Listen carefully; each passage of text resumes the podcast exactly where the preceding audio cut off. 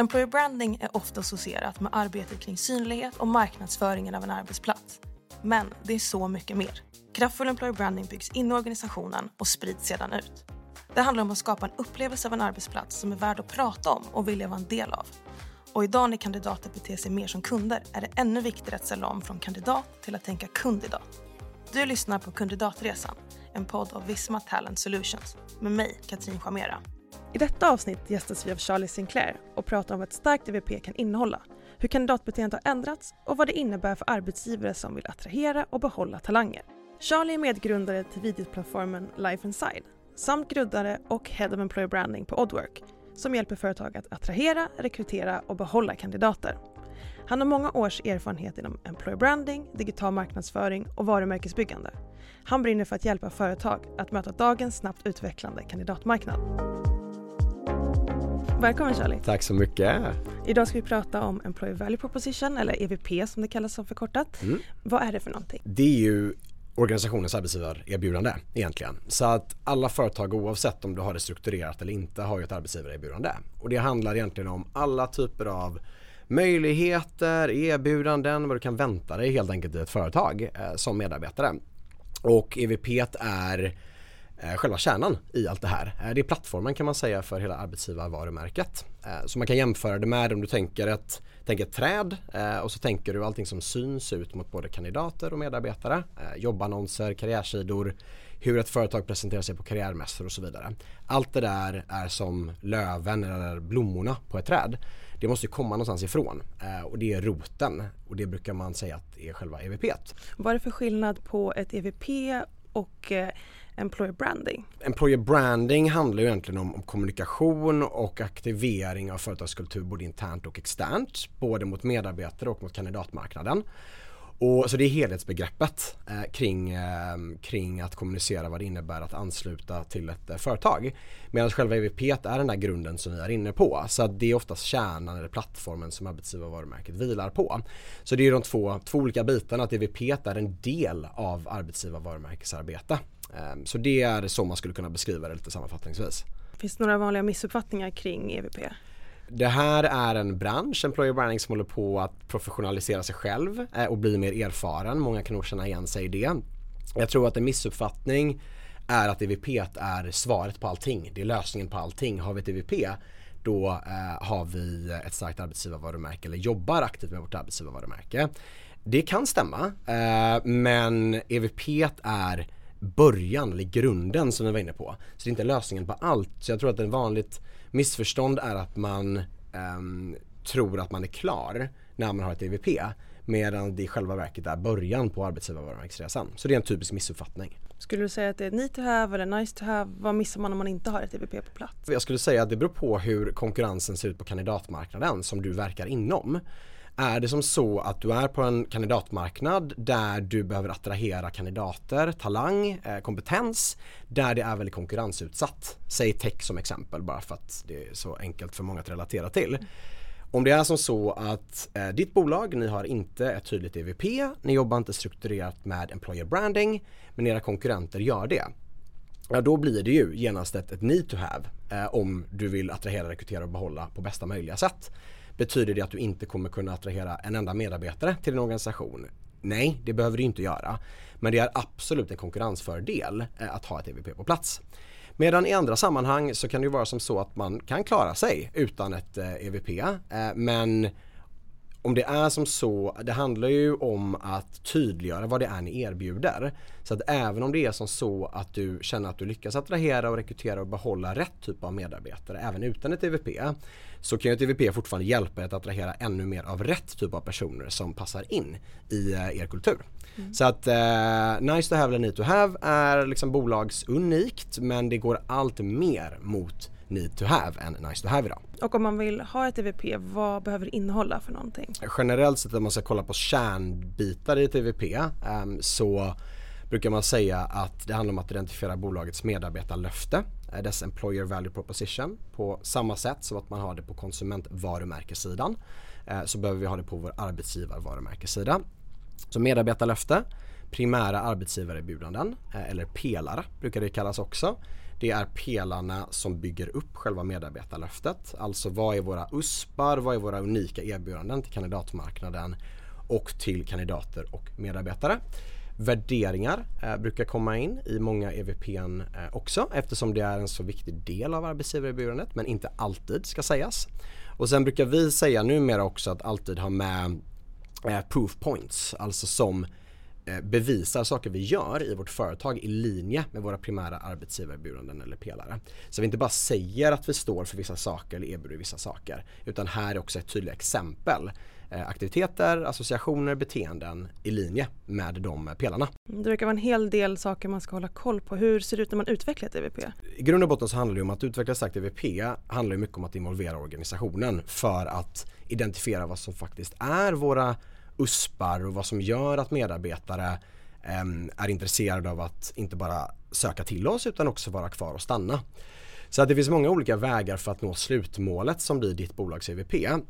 Men generellt sett så kan man ju säga att um, du behöver ha båda uh, eh, det, det, börjar egentligen med ett, ett, strategiskt perspektiv brukar vi säga att Employer branding eller ett EVP är um, en strategisk fråga idag. Inte Ehm, för att eh, man bör ha ett EVP bara för att utan EVP och Employer Branded är ju svaret på hur bolag ska nå sina strategiska mål.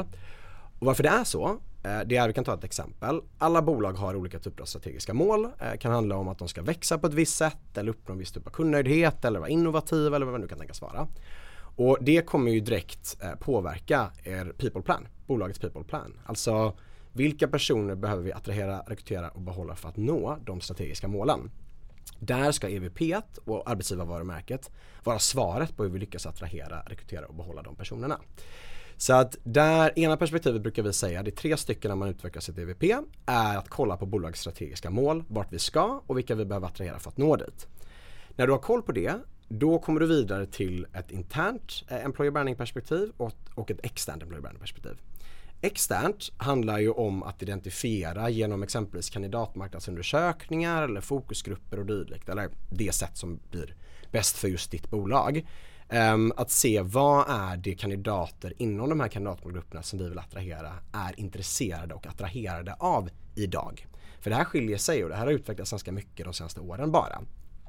Så det är det andra perspektivet. Det tredje perspektivet handlar om det interna perspektivet. Då. Och det är ju att jobba tillsammans med organisationen, med medarbetarna genom workshops, intervjuer, fokusgrupper för att identifiera vad är det som gör oss attraktiva, varför valde du eller ni att söka er hit, varför väljer ni att stanna och utvecklas hos oss? Och när man kombinerar de här olika perspektiven då börjar man komma till kärnan i EVP. Så att det är sammanfattningsvis en, en resa som brukar ta ett antal månader i varje fall. Kan ta längre, kan ta kortare. Men där du jobbar både med liksom interna medarbetare, externa kandidatmarknadsundersökningar eh, och sen vidare in i en paketering. Vilka brukar vara involverade i det här arbetet? Vad vi har sett fungerar bäst i varje fall eh, det är när du har en ansvarig EVP eh, SWAT-team om du så vill, alltså projektgrupp som driver det. Eh, det brukar vara, kan vara marknad ibland, kan vara HR ibland. Allra bäst är om det är en kombination av de båda. Um, så att med en projektgrupp som, som jobbar med och driver det framåt då Eh, det, det, brukar vara en bra startplattform. Eh, sen så kommer du behöva involvera ditt ledarskap, alltså dina chefer. Eh, med fördel är de involverade i utvecklingen av EVP för att de sitter på strategiska perspektiv i vart bolaget ska, hur vi ska ta oss dit, vad det kommer innebära för vilka vi behöver attrahera och rekrytera och behålla framåt. Och sen självklart då för att inte skapa ett EVP i ett ledningsgruppsrum så behöver vi också involvera medarbetarna på olika sätt. Um, och som sagt extern, eh, externa perspektiv och så vidare också. Så att um, man kan se det som att um, för, att, för att inte ge ett svar som är att ja, men du behöver göra A, B, C, exakt så här går det till. Ehm, här är bolag olika. Uh, är du storbolag, ja men då kommer du behöva driva betydligt mycket fler workshops med dina medarbetare och organisationen för att det ska finnas ett ägandeskap över det EVP som nu ska utvecklas. Är du ett mindre företag så kommer du inte kanske behöva göra det eh, på samma sätt. Eh, men då eh, kanske du till och med kan jobba med, involvera hela organisationen om ni är ett bolag som är mindre än 50 personer eller liknande. Så man får anpassa det eh, utifrån eh, det men Um, vägen dit, eh, det handlar om att bygga en väg eh, där det inte blir som så när vårt EVP är färdigt att folk inte känner att jag var inte involverad i detta jag har inte fått frågan om det här eller vad jag tycker om den här arbetsplatsen. Då kom, om, det, om det är situationen, då kommer man inte känna samma typ av ägandeskap. Så att det är mycket om att liksom hitta en väg framåt så att folk känner sig involverade, engagerade, engagerade så att de också ska känna ägandeskap för EVP när det väl är på plats. Och när man har det på plats, hur kommunicerar man det? Jag tänker framförallt kandidater och medarbetare. Vilka kanaler har man att jobba med? Vad man gör, en enkel övning, eh, det är ju att man ställer sig själv frågan med fördel redan eh, innan EVP är färdigpaketerat eller under processens gång. När vi har vårt EVP på plats, vilka ytor eller vilka kanaler vill vi att det här EVP, vårt EVP, ska kommuniceras och aktiveras i? Och kollar du på externa sidan då kommer det nog inte ta så lång tid innan man identifierar ytor som exempelvis karriärsida, jobbannons, kanske event som ni är på, rekryteringskampanjer och så vidare. Då är det den externa sidan. På den interna sidan så kan det ju vara istället att det är eh, på årliga konferensen, i medarbetarsamtalen, kanske till och med i lokalerna om man gör det på ett kreativt sätt och så vidare. Så att det handlar egentligen om att identifiera då, okay, vilka ytor, vilka kanaler kan vi och vill vi aktivera i och sen prioritera utifrån det. Uh, och det är därför som det blir så himla viktigt att ett DVP inte bara är en powerpoint uh, eller liksom en pdf utan att det också med fördel är ett kommunikativt koncept som du kan jobba vidare med under många år framöver. Och är det liksom en one and done eller behöver man uppdatera det? Hur ser man på det över tid? Om förutsättningarna på kandidatmarknaden förändras, vilket är ju vad som sker mycket just nu. Den här, det vi talar om här är kandidatresan, eller hur? Och det är ju just kopplat till, jag tycker det är så bra namn, för att det är ju kopplat till att kandidater beter sig som kunder eller som konsumenter. Um, och eftersom det sker så mycket utveckling både på kundsidan så att säga och således på kandidatsidan um, så kan det ju vara nödvändigt att just revidera sitt EVP oftare och där brukar vi rekommendera att man i alla fall gör den revideringschecken säg en gång per år. Um, och då kommer du uh, kanske inse att ja, men, pelarna eller arbetsgivarerbjudandet som identifierar det här senast, ja men majoriteten av dem är fortfarande sanna, de är attraktiva, de känns äkta och ärliga. Men det här bör nog garderas nu eller nu har detta hänt. Så att det, det, det, det här är en levande process så att säga. Um, så att revidera um, löpande men det ska ändå vara förhoppningsvis uppstrukturerat på ett sånt sätt att det ska kunna hålla under flera års tid. Jag tänker på det här med remote work till exempel. Det låter som ett bra tillfälle att börja kolla på sitt EVP. Hur tänker vi där? Där har du en förändring som var väldigt kraftig på kandidatmarknaden, alltså vad kandidater värderar i en attraktiv arbetsgivare. Det syns tydligt i externa kandidatundersökningar att man värderar flexibiliteten mycket högre idag. Eh, det ses som en självklarhet och det kan även vi bekräfta från vår rekryteringsverksamhet som finns på Boardworks andra sida utöver Employer Branding eh, att eh, kandidater frågar om detta aktivt idag och i många fall är mycket mindre benägna att ens ta intervju med företag om det inte är som så att det erbjuds. Mm. Så att då ser man ju precis som du är inne på stor förändring på kandidatmarknadssidan. Om vi nu sitter med vårt gamla helt plötsligt EVP som vi tog fram innan det här blev så i ropet. Ja, då, är det, då kommunicerar vi ju någonting. Vi missar ju att kommunicera kring någonting som är väldigt, väldigt viktigt för de som vi vill attrahera och det blir inte så bra. Så där har du precis en sån situation eh, och många bolag har ju behövt revidera sina EVPn som en effekt av just den typen av förändringar de senaste åren. Vad finns för utmaningar då när man tar fram ett EVP, vanliga fallgropar? Det är om eh, cheferna inte är med på varför det ska göras. Eh, om ledarskapet inte förstår värdet med att utveckla detta. För att ledarna när EVP väl sen är på plats är ju också de som med fördel agerar ledstjärnor Eh, och, och jobbar i, i vardagen med att aktivera eh, vårt EVP. Eh, så det är en sån där eh, typisk fallgrop om man inte har jobbat tillräckligt väl innan med att få liksom, leadership med på eh, tåget. Ehm, annan fallgrop kan, kan vara att man inte involverar tillräckligt stora delar av organisationen. Um, igen, tillbaka till det här med ägandeskapsfrågan. att uh, Om det är som så att du är nu medarbetare i ett företag, här kommer det nya EVP uh, eh, som Eh, EB eller HR eller marknad eller en kombination har utvecklat. Eh, och du har inte ens vetat om att projektet genomförs. Du har inte heller fått frågan eh, om vad du tycker. Men du ska, ska ta ägandeskap över det här EVP.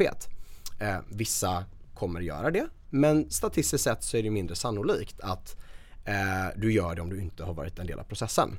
Så mycket handlar också om att skapa en EVP-process där organisationer organisationen verkligen blir involverad och det finns smarta sätt att göra det här på idag. Eh, så det är också en sån typisk fallgrop. Jag kan tänka mig att det är svårt att relatera till någonting där man inte varit involverad. Man kanske inte har hela bilden riktigt heller. Eh, om det är gjort vid sidan av av en ledningsgrupp.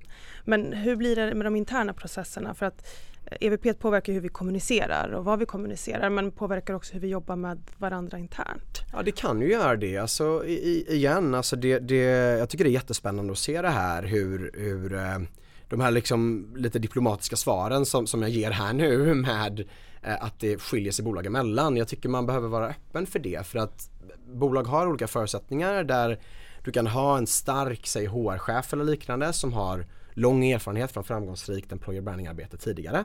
Den personen eh, kommer sannolikt när hon eller han aktiverar en EVP-process eh, tänka direkt att okej okay, den här processen den ska involvera stora delar av organisationen för att inte säga hela kanske.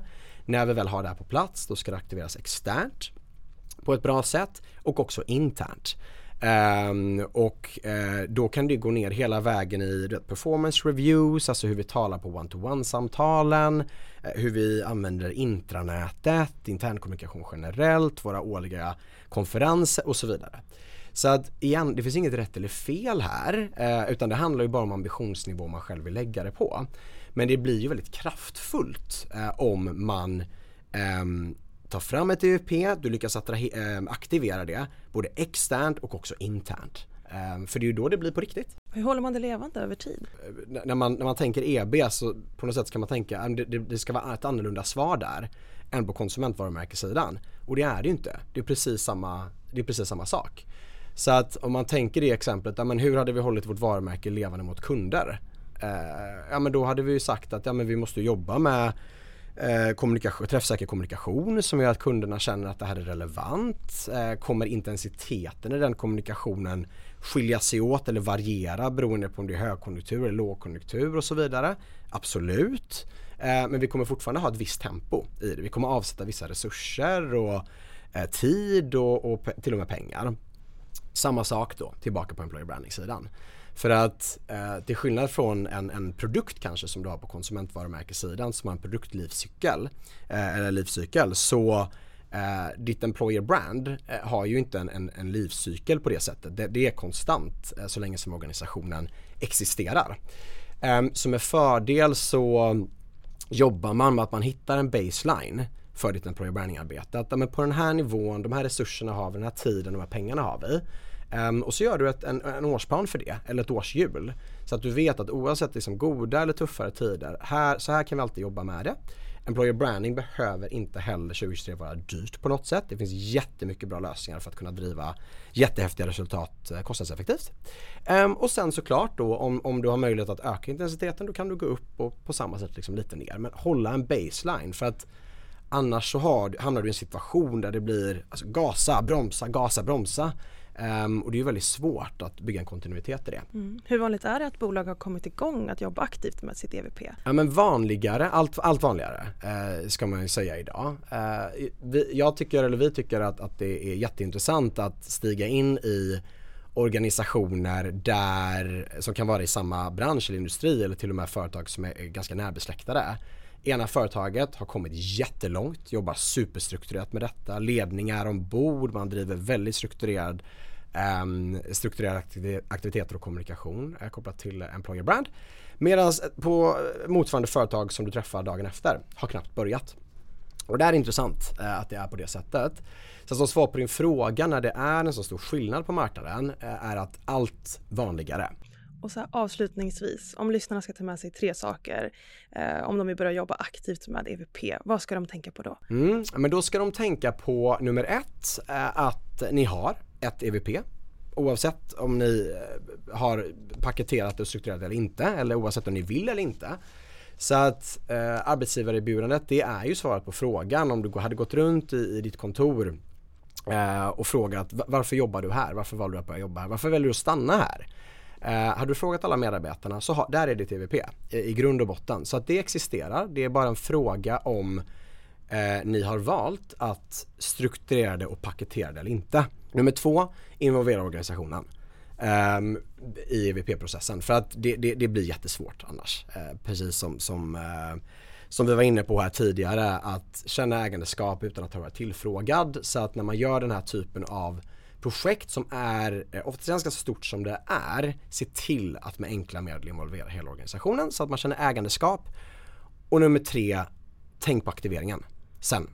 Ehm, um, EVP är en jättebra, grym början. Men det är också en början, det är plattformen för ett arbetsgivarvarumärke. Sen kommer allt annat som handlar om kommunikation, aktivering internt och externt.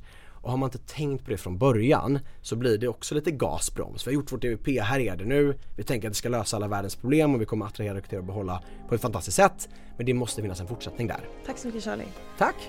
Ni som vill lära er mer om EVP så har vi länkat till vidare läsning i bion och vill ni fortsätta inspireras så kan ni gå in på LinkedIn och följa oss på Visma Talent Solution.